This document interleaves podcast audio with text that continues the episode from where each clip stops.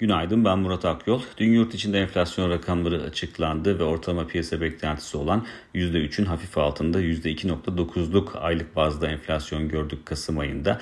Böylece 12 aylık enflasyona baktığımızda %85.5 seviyesinden %84.4 seviyesine gerileyen bir rakam görüyoruz ki 18 ay sonra ilk defa enflasyonda bir geri çekilme yaşanmış oldu. Aralık ayına baktığımızda ise Aralık ayında çok daha güçlü bir baz etkisi söz konusu. E, tüfe rakamı geçen yıl Aralık ayında %13.58 artış göstermişti ama Aralık 2021'i dışarıda bıraktığımızda aslında son 10 yılın Aralık ayları ortalaması %0.5'lik bir enflasyon seviyesine işaret ediyor. Yani oldukça güçlü bir baz etkisi var Aralık ayında. Bu nedenle e, Aralık ayı enflasyonu açıklanınca e, yıllık rakamda çok daha sert bir geri çekilme görmeyi bekliyoruz ki ortalama piyasa beklentisi de zaten enflasyonun yılı %70 seviyesinin hemen altında kapatabileceğine işaret ediyor.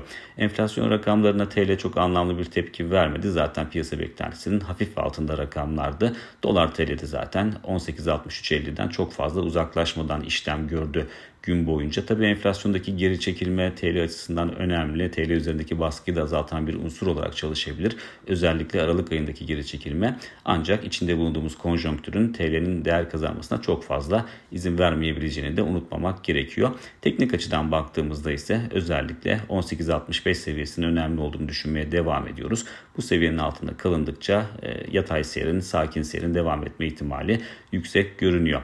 Borsa İstanbul'a baktığımızda ise dün Borsa İstanbul'da 5000 puan seviyesinin üzeri bir kez daha test edildi ama endeks bu seviyede bu bölgede tutunmasını sağlayacak gücü yakalayamadı. İndikatörler hala 5000 seviyesinin üzerindeki rakamları teyit etmekte zorlanıyor. Dolayısıyla bu görünümün değişmesi için 5000 puanın üzerinde arka arkaya kapanışlar yapılması gerektiğini düşünüyoruz. Ama diğer taraftan geri çekilmelerde 4900 puan seviyesinin üzerinde başarıyla karşılanıyor. Bu da endeksin yukarı yönlü hareket etme isteğinin ne derece güçlü olduğunu teyit eden bir tablo ortaya koyuyor.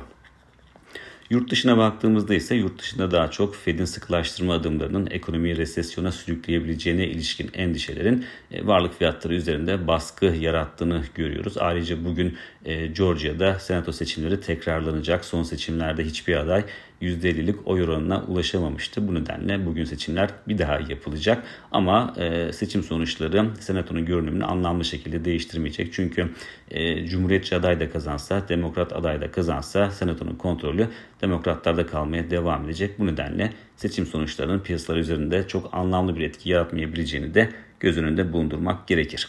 Bir sonraki podcast'te görüşmek üzere.